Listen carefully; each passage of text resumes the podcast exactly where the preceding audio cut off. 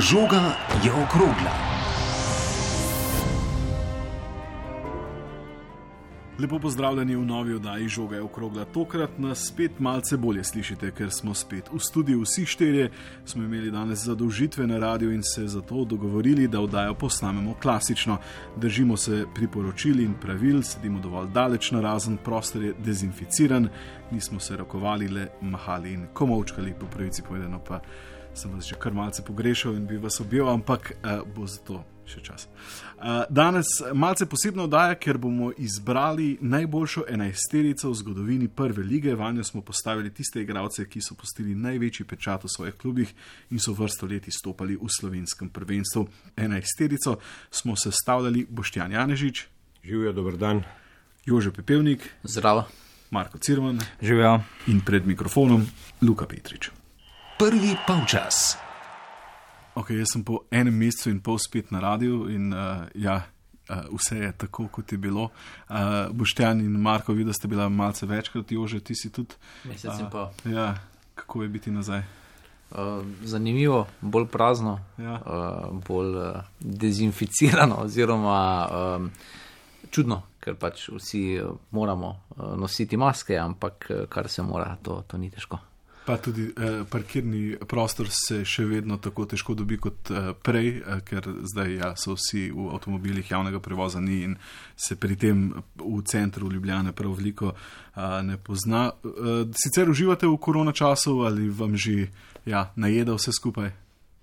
Malce že preseda vse skupaj, žoga kar miruje, mi jo nekako negujemo, ampak eh, čas bi že bil, da se vse skupaj počasi začne. Je pa specifičen, povsem drugačen čas. Ja, kar se mene tiče, se lahko začne samo nogomet. Ampak je pa, je pa čas za, za postranske zadeve. Da, Je. uh, football manager, Ojej. s kom zdaj igraš? Uf, um, Na zadnje si govoril o tem, da si kot uh, brez kluba začel ja, sezono še vedno, sem, še vedno sem v istem sejvu. Uh, zgodba je taka, da sem pač rekel, da si zdaj pa ne bom sam izbral kluba, da okay. Grem na unemployed verzijo, uh, unemployed verzijo in uh, ja, dobo sem povabilo Cibalje, to se ne zavrne, to je legendaren klub. Um, potem pa sem Cibaljo pripeljal v prvo ligo, z njo svoj pokalni naslov, uh, potem pa sem sprejel klic aluminija. A res? Ja, Wow. res. eh, Dobro dodelano ekipo. em, Gospod je še vrklica. ne? Vse se že pa spremeni s časoma. Um, je pa zanimivo, da si lahko iz resničnega življenja povabiš sodelavce. Ne vem, uh, Alena Jankoviča, ki deluje v eh, celju kot Ja. ja, fizioterapeut, je zdaj moj uh, chief of physios. Ne? Ja, super. Tako v redu, se tikava. Super je. Ja, iz aluminija, z aluminijem prvak, tudi v Ligo prvakov. Wow. Ja, ampak smo skupinski del. Ja, smo mogli v ljudskem vrtu igrati. Ja, seveda, ja. Ja. Kidričevo pa ne. Uh, potem pa Olimpijo. Aha, Z Olimpijo pa večji budžet, vse v redu, tudi prvak. Uh, Mandarič je predsednik. ne, ne, ne, ne, ne, šel, šel, šel. tokrat je res šel, uh, ni več govoriti. Zdaj sem pa v Hajduku. Aha, ok. Ja, zdaj pa Hajduk na vrsti. Torej, jugoprostor, jugoprostor. Ja, tu nek krožim, ampak grem tako, da bo vse skupaj bolj tako realno. No. Uh -huh. uh, ne, da bi zdaj vse real me verjetno ne bo še kar tako povabil, ne bo še treba kar nekaj časa živeti v tej pandemiji, okay. da bom jaz real vodil, pa takrat ne bo več uh, niti Rainjerja in Rodriga in ostalih talentov, ki so zdaj šele na obzorju. Tako da uh, v naslednjem podkastu bom pa že morda govoril o pokalu z velikimi uhli. Je 2079. Tako. Uh, preden se posvetimo najboljši enajsterici v prvi uh, slovenski ligi, v zgodovini prve lige, nekaj aktualnih te tem in sicer Sergej Jakirovič je novi trener Maribora, nekoč reprezentant Bosne in Hercegovine, ki pa je v zadnjih letih kar uspešno vodil Gorico v Hrvaški ligi, kljub se je lani na mestu za obstanek boril za Evropo. Jakir- Jakirovič morda ni poznan širši slovenski nogometni javnosti, ima pa precej izkušenj z mariborskim nogometom kot trener in tudi kot igralec se je v dresu Korotana zaigral v slovenski ligi. I baš mi je jedna od prvih utakmica bila na ljudskem vrtu protiv Maribora. Moram se pohvaliti da smo uspjeli e, zmagati 3-1, e, ovaj, što, što je bilo jako velik rezultat tada za Korotan. E, Poslije naravno imao sam prije dvije godine stručnu praksu, sam baš obavio kod kolege Milanića. Već tada se vidjelo da je klub odlično organiziran, da, su, da je momčad jako, jako dobro. Baš sam bio ugodno iznenađen, baš smo s Darkom o tome dosta pričali. E, naravno, ovaj, i kao e, dva puta u nacionalnoj pauzi reprezentacija kad je bila, onda smo organizirali dva puta gdje sam dolazio s Goricom, e, Maribor nas je svaki put pobjedio. Ja, Jakirovič je povedal, da je s Korotanom s 3 proti 1 zmagal v Mariboru, pred dvema letoma pa je strokovno prakso upravil Eh, v Ljudskem vrtu pri Darku Milaniču pravi, da je takrat videl, da je klub izjemno dobro organiziran in da, me, da ima dober igralski kader. Dvakrat je v Mariboru gostoval eh, z Gorico na prijateljskih tekmah, obe tekmi je izgubil. Jože, kot rečeno, precej nepričakovana odločitev v Mariboru, glede na to, da ja, eh, nima zvenečega imena Sergej Jakirovič. Maribor se je odločil za manj izkušenega mladega trenerja. Ja, in kar je najbolj, eh, vsaj meni, kar meni najbolj bode v oči, je to, da se je Oliver Bogatino odločil za eno novo ime iz eh, tujega prostora, ne povezano s slovenskim nogometom, nekdo, ki še ni deloval v trenerskem smislu v slovenski prvi ligi, tako da tudi nekih predsotkov tako novinari kot gledalci, navijači, uh mhm. -huh. nekako ne morejo imeti o njem. Eh, Bogatino je tu, mislim, da pokazal eh, nek pogum, eh, ki pa mislim, da je dober, no, če želi kot športni direktor pustiti čim prej, čim močnejši svoj pečat. Uh, Sergeja Rakiroviča, sicer ime mi je bilo nekako znano, ko sem prvič eh, zasledil govorice, čeprav priznam, da se tist, iz tistega prevalskega korotana bolj spomnim, uh, Nika Podvinskega, pa Ilirja Čevšlarja in drugih igralcev, pa mi Rakirovič mogoče ni ostal uh, najbolj v spominu, je pa pri Gorici, kolikor sem bral, kolikor sem poslušal zdaj v zadnjih dneh. Eh, z precej limitirano, seveda, zasedbo za Hrvaško ligo igral um, previden, gverilski nogomet, če lahko tak, temu tako rečem. Zdaj pa prvič v karieri dobiva priložnost eh, nekako ekipo, ki, od katere se pričakuje, da bo igrala z žogo, da bo tista, ki bo prevladovala v domačem prvenstvu.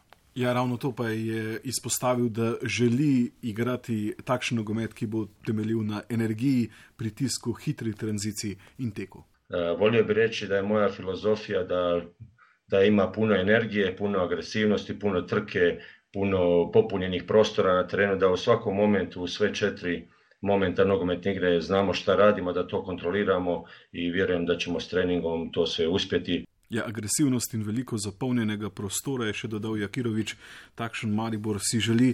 Tudi igralski kader se zdi, da ni najbolj temu prilagojen.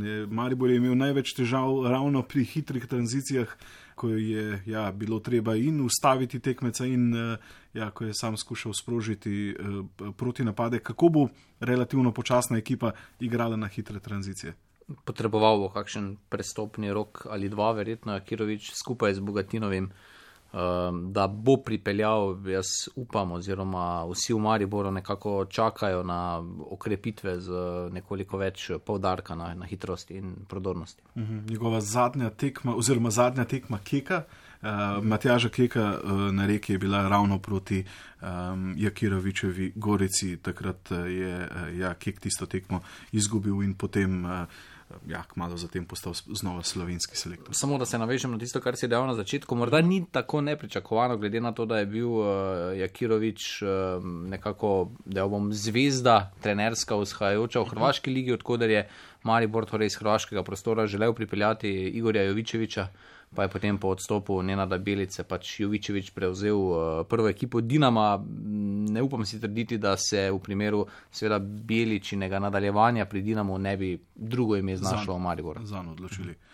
Kako pa kaže glede nadaljevanja slovenske lige? Um, v prejšnji epizodi žoge okrogla uh, ste lahko slišali, da nekateri uh, ja, so uh, za to, da bi se nadaljevala liga, nekateri bi jo tudi odpovedali. Možni datumi, ki jih je postavil NZS oziroma je postavila nogometna zveza 23. maj, 30. maj ali 6. juni. Uh, seveda, če bo karantena do takrat odpravljena in bo uh, spet um, dovoljeno zbiranje večjih skupin, eh, in v tem primeru bi tudi eh, prvenstvo lahko izpeljali. Eh, UEFA si močno želi, da se to zgodi. V priporočilih prejšnji teden je tudi zatrdila, da si želi, da bi se vsa prvenstva končala, če je to le mogoče, le v dveh primerih, če bi to povzročilo bankrot klubov ali pa seveda, če država tega še ne bi dovolila, dovoljujejo, da bi se za zeleno mizo končalo. Glede slovenske sezone, pričakujete, da se bo nadaljevala slovenska liga? Ja, pričakovati je, da bi se nadaljevala morda konec maja, ampak to pomeni, da bi čez dva tedna že morali nogometaši začeti treninge, ampak če ne bodo verjetno ta eh, pripravljalni čas skrajšali, zmanjšali in da bi se v začetku junija začelo, eh, je videti na obzorju, da bi se začela sezona. Uh -huh. Jaz se bolj nagibam, da bi se vse skupaj začelo v začetku junija oziroma v sredini junija. Moramo vedeti, da bo zdaj pravzaprav igravci izbojeni iz nekega spanja. Ne? Uh -huh sobno kolo pač ni isto, nogometni žogi na, in prelaganje v teži v sobi, um, treba je zbuditi telesa, ne? zato potrebujejo, mislim, da je res, ravno lopetegi zadnjič razlagal pet tednov. Da se človeško telo navadi na vse te napore, ki jih je bilo navajeno do tega trenutka. Um, pač gre za neko vrsto pauzo, pauzo, ki jo doživimo med sezono. Mhm. Uh, po letnem prestopnem roku, recimo pri nas, v Sloveniji, je malce krajša pauza, kakšen mesec. Uh, tako da ni samo to, da se bo začele tekme, treba je seveda spet nazaj preprečiti poškodbe, dobro pripraviti igravce, potem šele pa pride na vrsto uigravanje samega moštva in to tudi terja določen čas. Eh, vse, kar je bilo do tega trenutka zgrajeno, je pravzaprav zdaj porušeno in mislim, da eh, se bodo morali nekateri klubi do dobra resetirati v tem taktičnem pogledu in eh, nekateri bodo imeli recimo prednost. Ne? Tu, ko smo govorili o Mariboru, za Maribor je lahko to prednost, ne? da bo začel neko novo zgodbo z nekim novim eh, imenom. Eh, pri njem bi še dejal, da mi je všeč, ker je prišel nek eh, ponižen trener, ni prišel na velika vrata, uh -huh. uh, nek trener, ki bi uh, že imel nek trenerski pedigre, pač pa se je prišel v Maribor dokazovati. Morda bodo zaradi tega pričakovanje navijačev uh, malce niže na začetku, oziroma mu bodo uprostili tudi kakšen poraz na začetku. Uh -huh. Nogometna zveza je odpovedala ženska in mladinska tekmovanja, od druge lige na vzdolj tudi torej, tretjo ligo. Verjetno bo tudi precej teže izpeljati drugo ligo kot prvo. Ja, eh, lahko da bodo še razmišljali, da druge lige sploh ne bi eh, nadaljevali. Eh, Prvoligaši so si že zamislili eh, eno izmed formul za naslednjo sezono. Eh, ni jih veliko, ki protestirajo te odločitvi med tistimi, ki so o tem odločali. Tako da ni še ustavljena druga liga, ampak vprašanje je, kako eh, bo z njo. Mhm. Pa ena pomembna stvar je, to mi je v, v pogovoru, ki sem ga pred dnevi preko telefona posnel z njim, povedal tudi predsednik sindikata slovenskih nogometašov Dejan Stefanovič, da bodo verjetno, uh, seveda ne samo v Sloveniji, ampak tudi po celotni Evropi zahtevani, torej zahtevana testiranja na novi koronavirus, tako uh, pred uh, obdobjem torej, trenažnega procesa, torej tako imenovanih priprav, kot pred obdobjem tekem. Uh, sploh v Sloveniji imamo situacijo, ko recimo se nogometaši uh, ne finančno, ne praktično, nekateri, mnogi ne morejo zdaj spraviti v neko samoizolacijo ali mhm. karanteno v času, ko bi trajala ta sezona in ko bi se lahko torej sami zaščitili, zaščitili tudi druge. Tako da tu je en tisti zdravstveni vidik, uh, zna biti, da bodo morali biti izpolnjeni zelo natančni pogoji strani torej, sindikata, nogometne zveze, UEFA da se bo sploh dovolilo, dovolilo igrati. Torej, da tekme brez gledalcev, tako ali tako, ampak potem tudi, seveda, gre vseeno za kontaktni šport, um, zdravje nogometašev ne, in vseh njihovih bližnjih posledično. Sploh morda, zdaj le si mi dal istočnico, že vse po en stran, pa če gledamo, zakaj bi pa hiteli? Sej uh, marca uh, smo to vse skupaj prekinili, dober del tekem je že bilo odigranih, pač ne bo sezona veljavna po dosedaj uh, odigranih tekmah in rezultatih in ne vidim, zakaj ne bi se potem pa julija začela nova sezona. Ravno to obdobje je uh, dovolj obsežno, da se vsi v navednicah ščistimo oziroma tudi nogometaši uh, s temi okužbami, morebitnimi ali pa prenosi. Tako da um, ne vem, ne predstavljam si, da bi se stara sezona zavlekla v september, pa potem vse te kvalifikacije, pa to, to bo čista zmedena. Mhm. Torej, razmišljaš, da bi bilo bolje, da bi se naredil rez in potem. Ja, časa ni veliko, če mislijo še kaj praskati po letošnji sezoni, potem zdaj bo kmal prvi majne. Mm. To pa je že kar bi mogel biti, že ne vem, kjer 30 krok pri nas, ne mm. 33. Um, Tako da vodem grlo tečem predvsem vsi tisti, ki delajo, delamo v športu, je, je potrebno, da je že kar jasno, da bo vem, natrpan koledar v vsakem primeru prihodnje sezone, sezone 2020-2021, eh, kdaj se bo začelo, kako se bo končalo, kako se bo nadaljevalo. tako da bo, če tudi bi bilo čudno, da ni julija kvalifikacij za evropske pokale, je v tej sezoni zelo možno, da bodo šele septembra. Velik del nejasnosti, te, ki jo Marko omenja, je tudi v tem, ker pač športne zveze, nogometne zveze nikjer niso imele pripravljenega načrta Takšne. B oziroma takšnega načrta. Mhm. In zdaj v bistvu eh, se s tem, ko se čaka, se čaka v največji meri za to, da bi se izognilo številnim pravnim uh, problemom, ki bodo nastali, če bo recimo vidimo, kaj se dogaja na nizozemskem. Uh mhm. -huh. Če se odloči neka liga kat, za kateri koli scenarij, v katerem koli scenariju boš ti nekoga uh, oškodoval, uh, nekdo ne bo zadovoljen. Uh, vidimo, Gorica ni najbolje reagirala na predlog 9 plus 1 prvoligašov, kar je razumljivo. Uh, verjamem, da tudi rudar velenje verjetno ni najbolj zadovoljen, da bi se zdaj predčasno, ne, čeprav njihove možnosti so zares majhne na igrišču, ampak vseeno mislim, da to čakanje v največji meri. Torej, razlog so pravni problemi, ki bodo nastali in seveda finančni posež. Samo obrazložitev Nizozemska liga je bila odpovedana potem, ko je vlada določila, da večjih zborovanj ne sme biti do 1. septembra. Nihče ni prvak, Ajax je imel prednost eh, le zaradi razlikov v zadetkih eh, pred Alkmarjem, oba izenačena po številu točk in nihče tudi ni uh, izpadel v drugo ligo in to ja, je precej um, nekih um, ja, nesoglasij povzročili. Eh, tudi Belgici eh, imajo podobno situacijo, tudi oni so želeli eh, že 15. aprila odpovedati sezono tam so želeli določiti briž za prvaka, ker je, ima tudi precejšno, mislim, da 15 točk prednosti pred zasledovalci. In potem, ko je UEFA zabičala, da lahko odpovejo le pod preomenjenimi pogoji, so imeli včeraj še en sestanek, da bi videli, uh, ali bodo dokončno se odločili v eno in drugo smer, pa se niso. Uh, sicer je zelo malo verjetno, da se bo prvenstvo nadaljevalo, ampak zdaj precej nevolje zaradi vse nejasnosti. Nekateri pa so v tej odločitvi tudi videli potrditev belgijskega stereotipa, da se je to težko tam karkoli dogovoriti. Belgijci so prejšnji mesec, uh, potem ko več kot eno leto niso imeli prave vlade, le zaradi boja proti koronavirusu, uh, sestavili. Vlado. Še nekaj bi tu povedal, da pač um, ne glede na to, kako dolgo bo še trajala ta odločitev o tem, kaj se bo zgodilo, uh, odločitev bo ena, jasna in ne bo dokončna, ne, ker poti več ni nazaj. Mm. Uh, to je tako z odprtjem vrtcev in šolne. Ko jih enkrat odpreš, jih ne moš potem nazaj zapirati, pa še potem enkrat. Uh, tisti, ki bodo to odločali, bodo morali nositi tudi posledice, ne, v primeru kakšne eh, zadeve. Ne. Recimo, zna se zgoditi, da če bomo mi prehiter začeli igrati slovensko nogometno ligo, se zna zgoditi. Uh, serijske poškodbe. Ne. Zdaj pa kaj pomenijo serijske poškodbe pri tistih manjših klubih oziroma klubih, ki imajo manjši kader. Ne.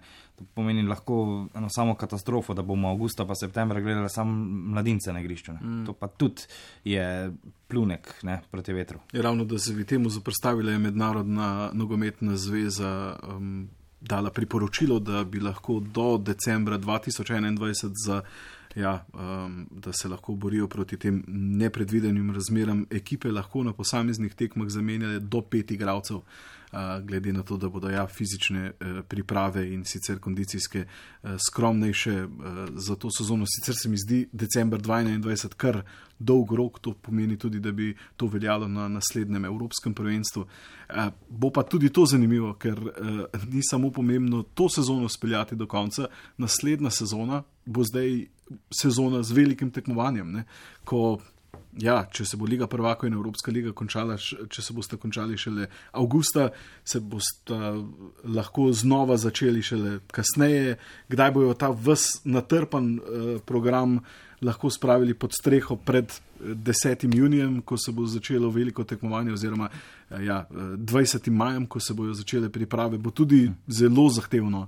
Verjetno v teh mrtvih mesecih, decembra, januarja in to bo super generalka pred Katarjem. Ja, sicer super, ampak, eh, ja, ampak Angle, Angleži pa nimajo recimo mrtvih mesecev. Ne? Tako, pa nogometaši bodo imeli v nogah v petih, Še... šestih mesecih 70 tekem, kar je pa tudi, ne? in se spet vračamo k tisti uh, zadevi. Jaz mislim, da bi, naj se vrnem še enkrat na hitro, uh, zdaj bi mogla UEFA oziroma FIFA, kdorkoli že določiti, ne vem, datum, primer predlagam, 10. maj, od 10. maja v naslednjih štirih tednah, tednih ali boste začeli ali pa razveljavimo in veljajo rezultati stare sezone. Uh -huh.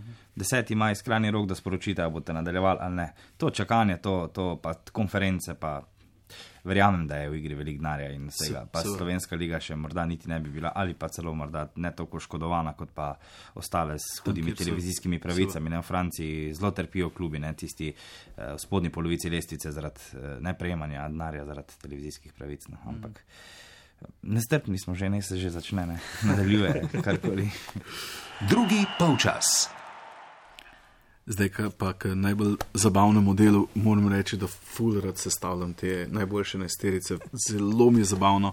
In tokrat smo sestavili najboljšo nesterico v zgodovini prve lige. Eh, malce se imamo zahvaliti tudi Bojanu Jokiču. Prejšnji teden je v pogovoru z nogometno zvezo določil svojo naj enajsterico po večini soigravcev, reprezentančnih ali klubskih iz prve lige. Mi pa smo ekipo določali na podlagi vpliva in učinka, ki so ga pustili igravci v slovenskem prvenstvu, da nimo pri vratarju, ni dvoma, da sta Samir Handanovič in Jan Oblak najboljša vratarja v samostojni Sloveniji, pa tudi sicer v Sloveniji. Oba pa sta v prvi ligi odigrala le peščico tekem in ker sta zgodaj odšla v tujino, ne prideta upoštev za našo enajsterico. Preden gremo po vseh pozicijah postopoma um, ja, skozi celotno enajsterico, kdo je bil prvi nogometaš, na katerega ste pomislili? Ko ste sestavili ekipo. Sebastian Govec. ja, jaz moram tudi reči, da se Mar Sebast... Marko Stavares, ki ga potem nisem uvrstil, je šterica. Štefan Škaper. Aha, Škaper. No, jaz ja. sem pa imel Gobec in uh, Srebrnič. Srebrnič sem izdelal, ker sem podal začel razmišljati o štoporih in se, pač sem se hmal spomnil na njega, sem izdelal, no, on pa v vsakem primeru bo. In mislim, da ste ga, aha, ne, le eden ga uh, ni dal zraven, tako da, uh, ja, po večini Pa ste, eh, če začnemo pri vratarju, tu je edina še nejasnost, ki jo moramo zdaj tu, kar uživo, uh, jo razrešiti. Kaj ti, um, da povem še poslušalcem to, uh, vsi smo sestavili svojo in potem smo, uh, sem jo jaz uh, vse skupaj zložil in tisti, ki so dobili največ glasov, uh, so prišli notri in ja, na mesto vratarja sta dva dobila po dva glasova, to sta Jasmin Handanovič in Marko Simaunovič. Um, torej, uh, najmlajša sta dala starejšega, najstarejša uh, so pa dala uh, mlajšega. Jasmin Hendanovič je v tem primeru, uh, redko se to zgodi, ko se pogovarjamo o aktivnih nogometaših, je tu uh, najmlajši oziroma mlajši. Uh, kdo torej v prvo postavo, Simonovič ali Hendanovič? Bom tako rekel, zakaj vidva menite, da Simonovič? Zato, ker je v dveh različnih sredinah serijsko osvojil naslove državnega prvaka, ker je bil v tem času uh, venomer številka ena, okay. tako pri Olimpiji kot pri Mariboru, kolikor me spomin ne vara. No. Pa se mi zdi, da je ta njegov prispevek v evropskih tekmovanjih, ne zmanjšujem prispevka Jasmina Handanoviča, ki je tudi ogromen bil za res bistven, sploh v tisti prvi, uh, tistih kvalifikacijah proti Genku in Leonu. Se mi zdi, da je bil res v življenjski formi. No. -hmm. Sem to z te perspektive gledal, ker pač, ko sem bil mlajši, je bil Simonovič mi pojem za nogometnega vratarja. -hmm. Ves čas je branil. Um, Sem pa sicer, zdaj moram uh, povedati moj backstage, uh, okleval, da bi dal strajnarja v gol. Aha, uh, ker je toliko tekem odigral. Člana šampionskih domžal, uh mhm. -huh. tudi ves čas je. -huh. ogromno nastopov, malo manj kot gobec in uh, z tega vidika bi si tudi on zaslužil, ampak ja. Pri pr vratarju sem kar hiter razrešil dilemo. Jaz, no. jaz sem imel v mislih tudi Nihala Pejkoviča. No. Ja, sem imel. Luka naj bi poskušam eh, najno razlago, pa, eh, pa boš potem imel nekaj stočnic. Eh, tudi Jasmin Handanovič ni samo z enim klubom osvojil državno prvenstvo, ima več lovorik kot Marko Simonovič, oziroma evropskih tekem, evropskih lig, evropskih pokalov oziroma lige prvakov. -hmm in zato je bil ta izbor in tudi dlje je v prvi ligi, kot je bil Marko Simonovič. Ja, res Jasmin je odigral, sicer nimam številke tu. Ravno ta zadnji podatek, ne, kar je poštevan del, da dlje je Jasmin Handanovič igral v slovenski ligi. To je ta, se mi zdi, časovna popačenost, ne, ja, spomina, ja, ja, ja. ker se ti zdi, da, da je Marko Simonovič cela 90 branil, ne, ali pa še potem v začetku tistega drugega desetletja. Medtem ko za Jasmina Handanoviča, zato ker je še vedno v prvi ligi, ker je še vedno branil tudi v jesenskem delu, se ti zdi vseeno. Toliko bliže, da, uh mhm. -huh. da, ta, da ta časovna perspektiva se ti zdi manjša, morda ne. Uh -huh. 2013 se mi zdi, Handanovič, v Mariboru, 2013. Ja, ja, Bil je saj- pa saj- tudi saj- član tiste olimpije v 90-ih. ne? Tudi je, tiste ja, pred ja. Am- eh, razpustom Šolmajerjeve olimpije. Aha, tiste olimpije, seveda. seveda ja. Ja.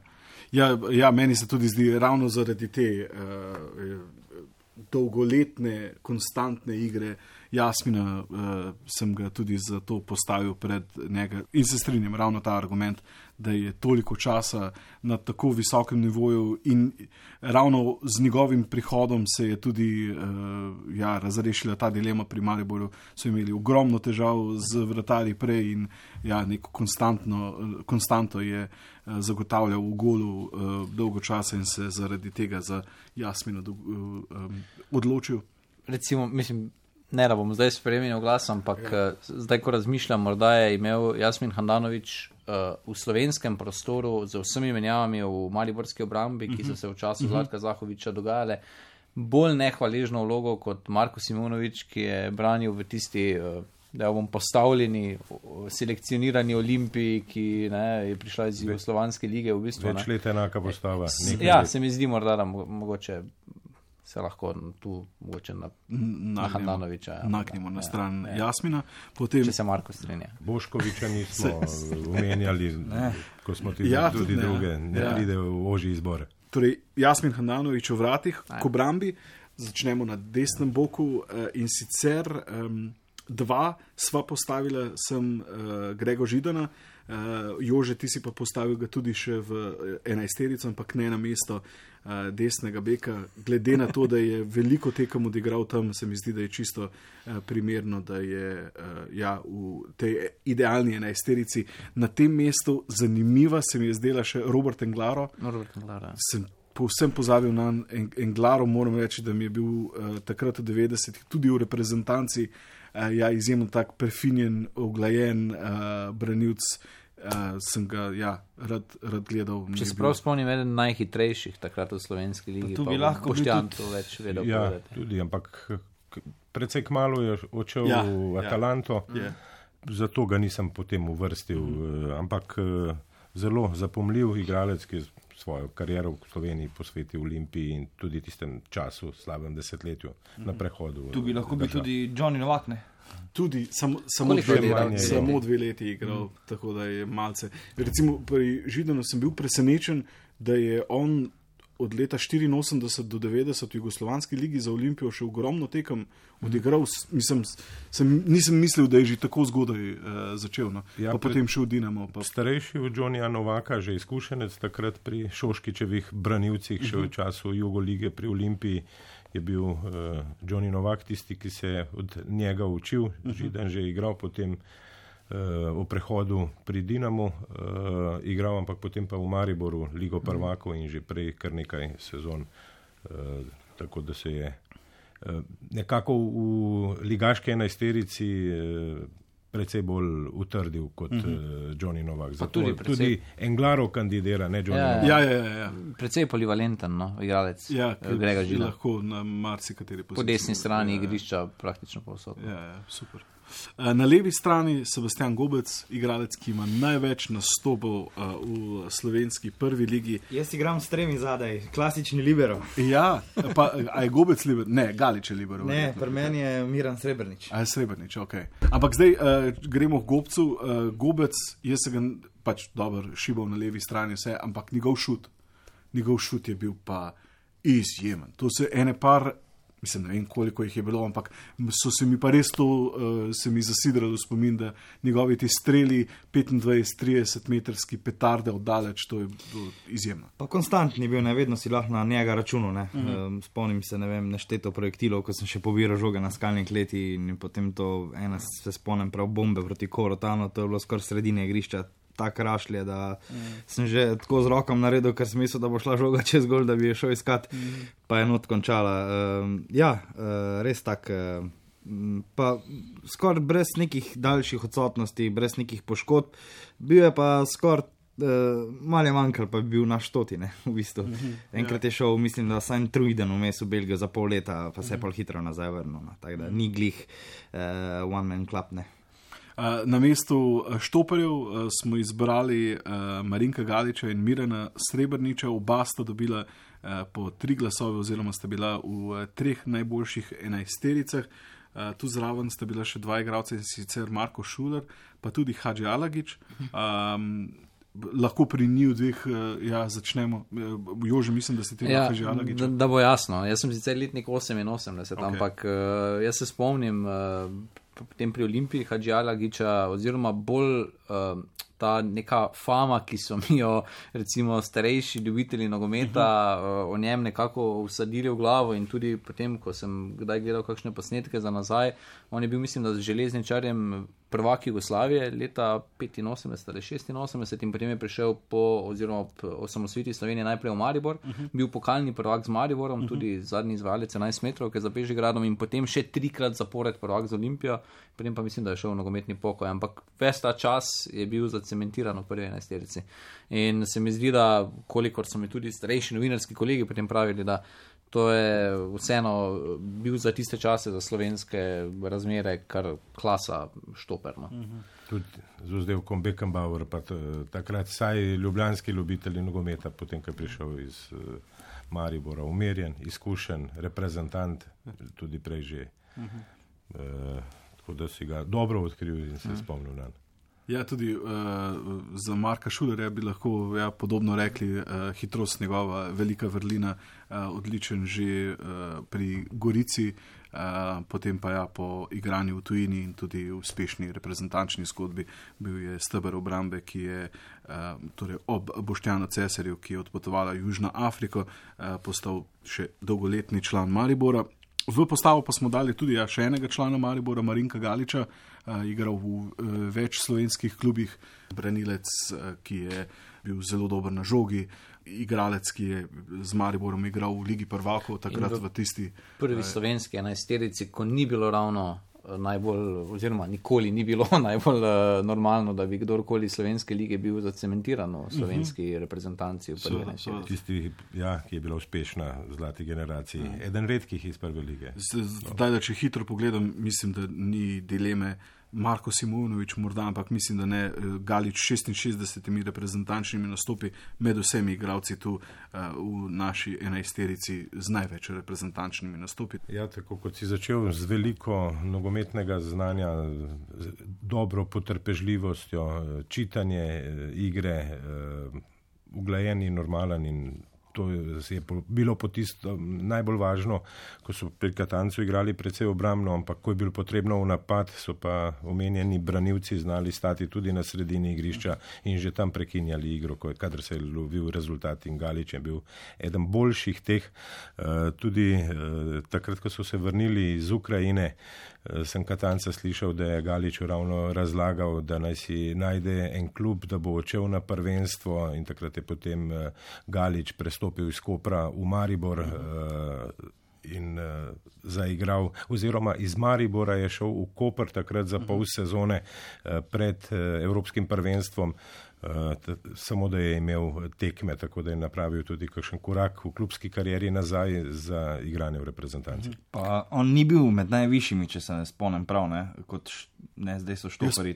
Sploh med ostalimi slovenci, tako Milinovič pa Knaus sta bila. Ja. In on je to izjemno nadomeščal, to manjko višine s tem predvidevanjem pa postavljanjem, ne? pa mm. s svojo agresivnostjo. Mm. Znanje pa je imel, ker je bil v prejšnjih mlajših kategorijah tudi eh, vezist eh, in je lahko igral s tem znanjem tudi na položaju branilca. Uh -huh. Miran Srebrnič pa, uh, ja, prej smo iskali igralca, ki, ki bi igral vse čas za en klub in Miran Srebrnič to je.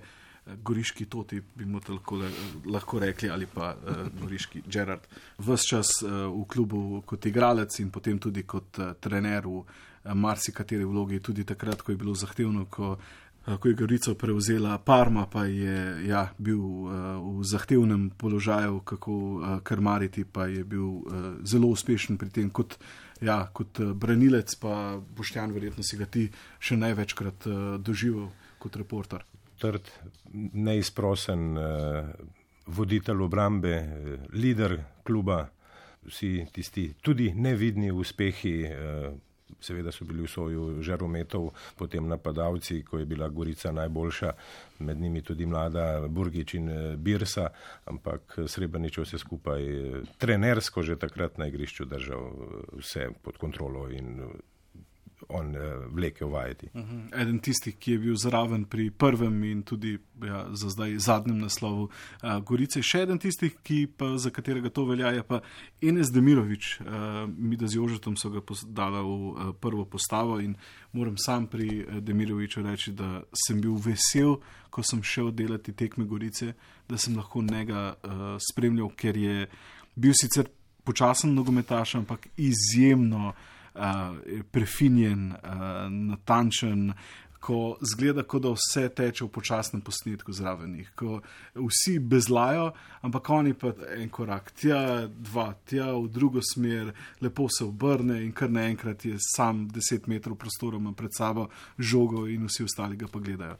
Demirovič je bil en tak, takih igralcev. Kot si prej omenil, Birso in Burgiča je imel tudi uh, komu zadati žogo, takrat v tisti. Ja uh, tisti uh, sezoni, ampak ja, izjemen povezovalec. Zraven pri prvem naslovu Gorice. Je bil, ja. ja in potem pri ne, dveh od treh ali enem od treh, mislim, potem v, drugi, v drugem obdobju. Mislim, Vem, da je po tistem prvem v 90-ih šel v Hajduk iz Gorice. Uh mhm. -huh v Hajduk. In, in ko gledaš statistiko njegovo, je to zelo na nivoju no, mm. v slovenski ligi. Mislim, da je 2-5 prišel nazaj, pa 2-6 je pa Gorica osvojila zadnji naslov. Pa ne vem, je 2-5 mm. potem po zimi, je poleti mm. pristopil, ne vem, je bil pri obeh zraven ali ne. Uh, vse je napravil z znanjem, ampak ravno samo zaradi tega ni v enajsterici, ki sem jo sestavil. Uh, všeč mi je uh, ne pretira, pretiravanje, ker to ni atletika, nogomet z gibanjem po sredini, ampak res je bil njegov radi samo v sredinskem krogu. Ampak verjetno dovolj. Vem, da sploh Liverpoolov fan, klop tek, tek, tek, energija, energija, energija. Eh, Liverpool si ne more, recimo, prvo še taskega igralca. Vse mislim, da si moderne ekipe na najvišjem ja, nivoju težko prvo še takega igralca. Vsega je imel, pa mu je spodrsnil. Izumirajoča desetka. Če ne bomo letos osvojili naslov, bom to še 30 let poslušal. Uh, gremo naprej. Uh, Nastja Čeh, Nastja Čeh sta tudi, mislim pa, da oba vidva dala, ja. dva, dala v uh, prvo enajsterico. Marko, zakaj? Ma, mnogo da se reče. Uh, pri uh, njegovih kotih si vedel, da bo to navaren. Uh, tako res eleganten, prefinjen nogometaš. Uh, stavim na nas tečeha. Znašel se v Mariboru, znašel se v Olimpiji, eh, bil zaslužen tako pri enih kot pri drugih za uspehe, eh, bolj v Mariboru, vihral, mladosten, eh, prosti streli so bili tudi njegova domena, naravna zamenjava za Zlatka Zahoviča je bil takrat mhm. videti še pred Ačimovičem. No, talent, res. Uh, zato v enesterici. Mhm. In uh, ta, ta leva noga ga ni zapustila, seveda ga ne more. Yeah. Ja. Tudi zdaj, ko je igral v drugi ligi za Dravo, uh mhm. -huh. še mislim, da pred kakšnim letom uh, sem videl in slišal, no, kako uh, talentiran še vedno, oziroma seveda ta, ta občutek uh, enostavno ne moreš, tega težko izgubiš. Je pa ena. Uh, ne bom dejal, da je madež, ampak tista odločitev, ki pa mogoče danes vseeno mu je malce žal, da je poleti 99 šel iz Maribora v Olimpijo, uh mhm. -huh. dva meseca preden je Maribor šel v prvo ligo prvako, uh mhm. -huh. skupaj z Markom Kmecem še nekaj igralcev, ki smo jih izbrali, pa eh, niso prišli v prvo enajsterico. Samir Zulič, takrat pri Olimpiji, ki je na začetku samostojnosti, na začetku samostojnosti osvajal naslove, je bil eh, ja, stebr vezne vrste. Simon Sešljar, dolgoletni član celja, vmes je ravno on uh, šel igrati Ligo prvakov uh, k Mariboru. Um, Rok Kronaveter, ki se je izkazal na začetku pri Dravi, potem prišel nazaj in tako pri Olimpiji kot Mariboru. Miran Pavlin, uh, ja, še en igralec, ki je. Igral za Olimpijo, pa treniral v Mariboru, oziroma uh, bil funkcionar v uh, Mariboru. In prvak s Koprom.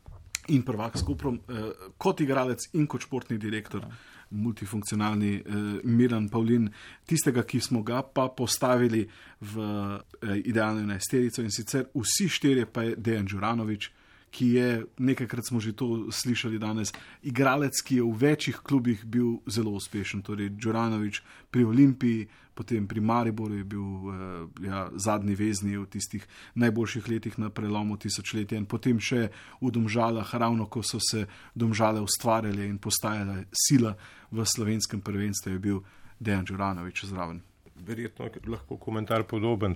Prvoligaški odličen nogometaš kot pri Srebrniču, eh, ki ni zapuščal domovine eh, in svoje na mestu zadnjega defenzivnega vezista ali pa če so igrali z dvema praktično nezamenljiv. Ja, je, Tudi v Gorici, kjer je še igral. ja, on je edina stična točka te zidarjeve olimpije, ne, pa prašnikarjevega Maribora, pa šampionskih domžalne.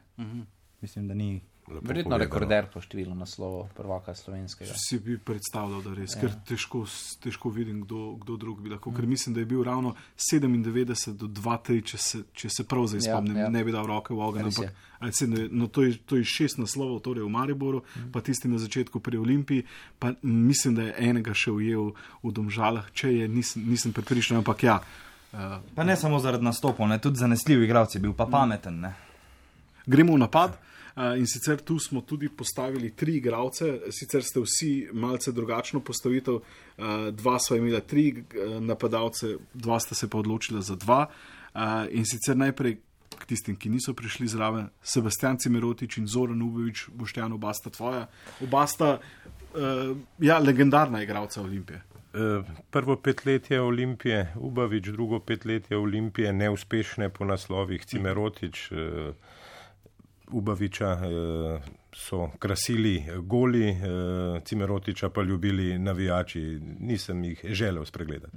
Vidim tisto sliko, eh, ki je, je bila že veliko krat objavljena, ko mu Rudi zavrl, da je pokal zmagovalca, torej ligaški pokal, po tisti prvi sezoni, ko je z 29 goli bil tudi najboljši strelec prvenstva. Eh, Kakšen igralec? 21 klubov je bilo takrat, eh, 40 krogov je bilo dolgo prvenstvo, Maribor je bil približno konkurenčen, oziroma je bil, pa še kakšen izmed klubov, Izola je potem še igrala v Evropi. Olimpija je takrat prihajala s tistim bogatim moštvom v prvo ligo in Ubavič se je eh, znal gibati, ni pretirano tekel, igral z obema nogama, tudi z glavo, ampak eh, jasno, on je bil tisti prvi center for Olimpije in žoge so nanj letele, imel je veliko priložnosti in kar nekaj krat je bil uspešen. Eh, Tisti, ki pa je prišel noter, Še spretnejši, bi Ja. pa bil lahko še učinkovitejši. spretnosti pa ni manjkalo Cimerotiču. Moram reči, da kar se Cimerotiča tiče, se spomnim, da mi je enkrat, ko sem prišel šele na radio, pa mi je rekel, jo Cimerotič, Cimerotič je pa super, ampak je zelo počasen. Ne." In jaz sem pogledal Cimerotiča in se mi ta njegov prvi korak zdel neverjeten, pa kako je lahko on počasen. Ne? In pa vidiš, da je neko eksplozivnost je imel, ne? ampak ko je pa bilo treba odteči 15 metrov, ga je pa marsikdo prehitel. Ne? Ja, je bilo bolje, če je bilo treba teči samo 10 metrov, ampak je imel še tudi natančno, rafinirano, globinsko podajo, uh -huh. Cimerotič v tistih najboljših časih. Imel je pa ta prvi korak, pa kolesa. Ne. Tukaj impresivno. Ampak izjemno netrofejen igralec, Tista- brez lovorik. Jaz se najbolj spomnim tiste sezone Cimerotič Rakovič, ko je Olimpija Ja. igrala z Espanjolom v, v pokalu EFA, pa nekaj časa je bil, jaz sem potem gledal, šest tekem, štiri goli, nekaj takega Alen Škoro. Ja, ki je Ja. pa šel Ki je v Marseille. Marseille, ja. in Ja. ti, tisti troje, tisto je tisto bilo. neverjetno. Ja. Marsikdo na oni strani tran se je malce bal, da bi Škoro dlje ostal v Olimpiji. Ja, Ja, ja. Ja. Se spomnim, sem šel takrat prvi letnik faksa z eh, štajerskimi kolegi na derbi, pa so, ja, so spoštovali Olimpijo, bom tako rekel. Ne. Barna pa Stepanovič takrat končal sezono. eh, Po podaji z Nastje golom. Čeha. Po podaji Nastje Čeha, res je. Olimpija je takrat imela prašnikarja za trenerja. Ampak eh, tudi Cimerotič in Rakovič sta precej manjkala, še posebej Rakovič na tisti zadnji odločilni tekmi, mm. ko se je Maribor veselil v Ljubljani. za Bežigradom. Trije napadalci, torej eh, najmanj glasov, torej dva je prejel Kliton Bozgo, ki je v naši eh, prvi naj, enajsterici. Ja, njegova najboljša leta, verjetno v Mariboru, znan tudi po številnih zabavnih izjavah eh, in tudi sicer zelo simpatičen. Uh, Boštjan, mislim, da si ga ti srečal na Evropskem prvenstvu, ko je Albanija igrala. Ja. Če se ne motim, zdaj torej Albanija proti 2016. Švici v Ja. Franciji takrat uh, je bil eden od uh, povabljencev Albanske zveze uh, in potem tudi tam, kar organizator, turistični vodič za skupino navijačev uh, v Lonsu, kjer je bila ta tekma uh, med Švico in Albanijo, zgovoren, uh, tudi igral na obeh straneh, eden zelo hvaležnih igralcev, ligaških igralcev, kakšnih večje karijere. Uh, Ni naredil ne potem v tujini, na stara leta šele v Avstriji, ampak uh, tudi deležen uh, svojo nogometne lige prvakov. Pa tudi uh, Edmund Dosti je bil navaren. Uh, ja, ampak Je to je manj cela, časa. Cela, cela igral, ja. kolonija albanskih nogometašev, Ja. ja. takrat v slovenski ligi, v 90-ih, Bozgo, Dosti, potem Čipi, Čipi. tudi za eno Čipi, sezono. Uh, Mehmed Draguša je igral v Mariju. Pa Dema, Dema? Pa že prej, pa. Džerdži Dema. Ja. Um, Kliton Bozgo, jaz naj, najbolj se ga spominjam, mislim, da je iz zadnjega ligaškega kroga 99 sezone, ko je lovil nekoga za naslov najboljšega streljca, pa zdaj ne vem koga, nekoga iz Gorice ali Primorja, morda Obilinović? Imi- Vuliča, Obilinoviča, možno. In takrat vem, da so mu na tisti zadnji tekmi, mislim, da je bil Maribor že prvak, da so mu igravci enostavno pač igrali samo na da je potem dal tiste dva ali tri gole, kolikor so mu manjkali za, za, za prvega streljca. Ja, sicer pa ne vem, iznajdljiv zelo, uh -huh. um, nekako na pr, fizično, absolutno ne impozanten, kakorkoli, ampak pr, na pravem mestu. V Mariboru pa se na kljub vsem njegovim golom, golom najbolj spominjajo ljudje. Pač, kar je prekletstvo nogometašev, ne, zapravljene priložnosti. Boštjan se bo verjetno spomnil. Tiste kaj proti misli. Bajer, Leverkusenu v ljudskem vrtu, nič proti nič, kakih deset minut pred koncem, ena globinska podaja Sešljarja in potem Bozgo sam proti uh, vratarju Leverkusena in ga je pač nastreljal. In potem dve, tri minute pozneje Ulf Kirsten uh, povedal Bajer v vodstvo. Tako da ti tak spomin, uh, s- uh, grenek sicer, ampak Vmes sem še preveril ja. uh, Novica Nikčevič. novice Nikčevič. Novica Nikčevič je končal sezono s 17 goli, Kliton Bozgo jih je imel tako kot Isah Moro, Beltinci 15. Uh, Marko Tavares eh, je tudi v uh, idealni nesterici. Mislim, da ja, eh, Boštjan, ti si rekel, da si se nam najprej spomnil, potem pa si se odločil, da ga nisi eh, postavil v idealno enesterico. Uh, Kako to? z tudi tokratno našo eh, debato in uh, pogovarjanje. Igral je samo pri Mariboru, bil je vzet, uh, z, moštvo se je gradilo okrog njega, izkoristil je vse svoje priložnosti na kontinuiteto in na naslove mu ni kaj oporekati, ampak morda pa vse skupaj malce zbladelo v dveh zadnjih počasnih njegovih sezonah. Mm. Ja, m- meni se, sem ga postavil v ekipo ravno zaradi tega, ker se mi zdi, da je vzpon Maribora ali pa ponovni vzpon Maribora se je ravno zgodil. Seveda je imel izjemno pomembno vlogo Zlatko Zahovič v vlogi športnega direktorja, ampak kot igralcev se mi pa zdi, da je bil on ja, najbolj pomemben za to, da se je uh, začel izpopolnjevati in da je Maribor spet postal v zadnjem desetletju evropski. In Lovorike in goli eh, rekorder v Mariboru po številu zadetkov govorijo o njegovo korist. Ja, je pa tudi metaforičen ta, ne, ta, ta usporednica Tavaresa in Maribora. Uh -huh. Igralec pripeljan za ston, uh -huh. od nekod, kjer ni igral, kjer ni dobil priložnosti, in potem uh, skozi neko čakanje, tudi v bistvu, ne, pol let, mislim, da je rabil pol Tudi, leta, da je ja. dal prvi gol, če se ne motim. Ne. Uh, skozi neko čakanje, potem ta kontinuiteta in potem hočeš nočeš, ko, ko gledaš sezname mariborskih evropskih tekem v kvalifikacijah, je vedno je zraven med streljci, no. vedno je bil tu nekje in uh, to se mu mora priznati. Zadnji, ki je pa zraven, pa eh, najboljši strelec do uspona Markoša Tavaresa v slovenski prvi ligi in sicer je to prekmurec Štefan Škaper, dolgoletni igralec Mure in Beltincev. Eh, jaz osebno ga nisem eh, veliko doživel. Uh, ja, Boštjan, spet se k tebi vračamo, karkoli od 90-ih, gre precej- k tebi. Štefan Škaper je bil precej statičen, če že prej eh, nisem dovolj uh, pohvalil Udoviča. Škaper je še manj tekel, ampak imel še boljši nos za gol kot uh, Ubavič. Večkrat je bil na pravem mestu. Odstotni delež je pri njemu višji doseganja golov kot pri Ubaviču.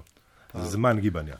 Kolikor imam jaz, sicer bežen bled spominjam, ampak to je leva noga, desna noga, glava, prosti streli, vse. Dovolj visok, eh, tudi višji kot uh, Ubavič. Uh, za voljo tega, ampak eh, se so tudi potem goli govorili v njegovo korist in eh, prekmorska eh, ljubezen nogometnih navijačev je bila dovolj zanj in to, to ga je zadovoljevalo pred kakšno večjo reprezentančno ali klubsko kariero. Trkal tudi na vrata Verdenikove reprezentance, uh -huh. bil poleg, takrat, ko se je vse skupaj še dogajalo, precej prisoten. Uh -huh. Potem pa, ko je pozabil na nogomet. Na koga ste še tu razmišljali pri napadalcih, kdo je še bil v igri? Tu je največ izbire. Ne? Jaz- Se mi zdi, se no, meni tudi zdi, ja. Kaj pa vem, um, Damir Pikič. Uh -huh. um, Milan Ostrec ima dosti golov, veliko golov. ravno. Milan Ostrc se je meni zdel, da bi lahko uh, bil zraven. Morda tudi zaradi tega, kakšna slika se je ustvarila okoli Ostrca, in potem, ko greš gledati njegove, eh, koliko tekem je odigral, za katere klube je igral, kdaj je za katere klube je igral, eh, pa koliko golov je dajal, on je res bil, eh, z lahkoto lahko rečem, eden najboljših napadalcev v zgodovini slovenske lige. Ker zasledujemo tudi kontinuiteto sezon oziroma število sezon, ki so jih odigrali. Drugače je bil prvi strelec lige tudi Ermin Šiljak, mm. pa eh, Marko se ne oglaša nič iz celske strani, ampak premalo sezon Fajkom je bilo. Golobica, Fajk. Fajk, Elver Džafič. Ja, ja. Jaz sem imel še Ekličič. ž- žlogarja, sem imel od vezistov, recimo. Tudi jaz moram reči, žlogar je bil dolg časa gor, pa potem so ga drugi potem Se izrazili. mi zdi, da tako pač nekateri igralci so pač ne tako medijsko izpostavljeni ali pa nočejo se tako izpostavljati mm. in žlogar je eden izmed teh, ampak 90 golov ne. 90 golov. Za, za igralca, ki ni igral v napadu. eh, Ne, veliko jaz se spomnim, je igral v Izoli na začetku kariere, ko sem tu žoge pobiral, je petke izvajal, ko so se še izvajale. Ja. Za Belvedor Izolo, ko so zgubili 11 nič proti celu. To smo se ravno zadnjič z Markotom, kd- kdaj je ta. uh, Kdaj je, ta, kdaj, je to, kdaj je to izumrlo? Da ni Izvaja- igralec gol outa. izvaja. Ja, jaz se spomnim Matjaža Keka, da je izvajal še ja. pet Ja, m, vratari so vse bolj uh, nožno podkovani, ali kako se ne izrazim. Ja. Ja. Oziroma, Pa verjetno strah Da pred, pred uh, offside, za- oziroma Ja, ja. ne moreš postaviti offside. Mhm, Ja, ja, razumem. ja. Seveda. Ja, če nabiješ nizko žogo, ne, Si, mm, ja, šahmat. Ja. Enega igralca imaš manj na polju, tako ne. ja. Se pa spomnim, da ko je bil Sander Westerveld, eh, vratar Liverpoola, je lahko iz svoje petke, je lahko, ampak eh, jo je prijel v roko žogo, ne degažiral. Jo je lahko ne samo do, naslo, na, do kazenskega, ampak je žoga pristala, ne da bi se odbila. To je zdaj rekla, kazala, ampak tam sem verjel in pa sem to že nekajkrat ponovil. Se je odbila na kopu, torej na drugi strani, na drugi tribuni, torej, da je brcno žogo 100 metrov. Vse to je Gregor Blatnik v Ajdoščini tudi. Mislim, ja, nisem, nisem še nikoli od takrat, pa nisem vedel, da je to sploh možno, ampak ja, da, da je lahko zgleda, da z močno nogo daleč ne bije žogo. Uh, Verbiča. Tudi, ampak Razmišljal- kratek čas ne. Ja, To, ampak to mi je prežlogar, mimo grede, ko Je. si prej rekel. Ja. Pri 27 je šel v tujino, pa mi je to bil pri njemu, recimo, majhen minus. Ne. to smo se pa z bratom včeraj menila, da mogoče je eden od nogometašev, recimo Verbič, ki je najbolj zaslužen, eden redkih, da je sam klub pripeljal na drugo mesto. Uh -huh. Pa v finale pokala. In pol naredil tudi kariero zunaj. ne. Ja, v smislu, kot eh, neke vrste, če bi gledal za MVP, ne, Ja, ja, ja. ja, ja. najkoristnejši Pač. igralec. Drugače pa izbire, uh, ne. Je, je, ne zmanjka. Imamo precej kakovostnih igralcev v slovenski prvi ligi. Žoga je okrogla. Najboljša enajsterica v zgodovini prve slovenske lige. Vratar Jasmin Handanovič, bočna branilca Gregor Židan in Sebastian Gobec, srednja branilca Miran Srebrnič in Marinko Galič, vezisti Dejan Đuranovič, Nastja Čeh in Enes Demirovič, napadalci Marko Tavares, Štefan Škaper in Kliton Bosko. Sodnikov dodatek. Tudi tokrat v sodnikovem dodatku kviz. Morda niste vedeli, je kakšen od vas poslušal v nedeljo? Ne, Super, jaz sem preveč se... zaposlen z Ja, psihološko kvizi. pripravljen na redakcijski kviz. Ja, memoriale. to, to, to, ja. Karantena. Ja. Jo, ta redakcijski kviz. To sem bil zadovoljen, na koncu pa, pa kar pred zadnjim. To je tako tisto v srednji šoli pre testu, ne dober občutek. Ja, ja, Luka, tole bo treba še pa enkrat. Jo. Prvo je vprašanje bilo povezano z nogometom in olimpijskimi igrami. Verjetno boste hit ugotovili, edina slovenska eh, nogometaša, ki sta dobila medaljo na olimpijskih igrah, sta Srečko Katanec. in Marko Elznar. tako je. Zdaj pa najboljši strelci v finalih slovenskega pokala. Uh, je iščemo, dva, iščemo dva nogometaša. tako da- Ja, v vseh finalih Ja, doslej. ja, ja, okay. Včasih tudi po dve tekmi. Včasih po dve tekmi, ja. ne, ne, ne pomemben podatek. Dobo, Bozgo. Bozgo ni pravilen odgovor. Rakovič, Je pravilen odgovor, bravo. Čakaj, koliko jih skr- iščemo? Iš, eh, dva nogometaša, vsak sta dala Spet štiri zaključene. 12 točk, Marko še Cirman. enega, še enega iščemo, še enega iščemo. Eh, In sicer eh, lahko tako povem, da sta bila oba večkrat slovenska prvaka. Pa še en namig. Eden je rojen leta 77, mislim, da je to Rakovič, drugi pa leta 79. Pikič. Je, Pekič.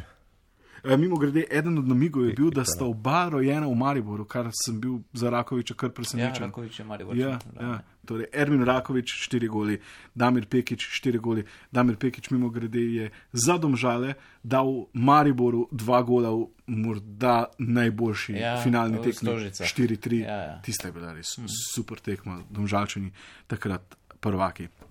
To To je- je manj. Ne, najboljša je bila 2-5 na areni. To, kaj je bilo? A ja, takrat, ko je cel je usvojil naslov, seveda. seveda. Ah, še na skalni kleti je bila že boljša. Jaz se spomnim tistih uh, dveh zaporednih, uh, se mi zdi, Maribor. Interblok. Ja, Ja, se Tisto se spomnim. Joj, v najboljši enajsterici. Busi so jih pripeljali. Ja, na- V najboljši enajsterici, ne? Jaz sem za hip pomislil prosinečkega, ne? Ja, Sam pa ja, ne ja. moreš, ne, po tem pač zvezdniškem statusu, tudi Albert Riera bi lahko bil. Mil- zanimivo, da niti enega tujca nismo dali. No. Milko Čurovski. Ja, pre, ja, premalo cveta. Hvala lepa vsem trem in tudi vam, drage poslušalke, dragi poslušalci. Žoga bo čez dva tedna spet okrogla, do takrat pa uživajte v prvomajskih praznikih in ostanite zdravi. Se slišimo.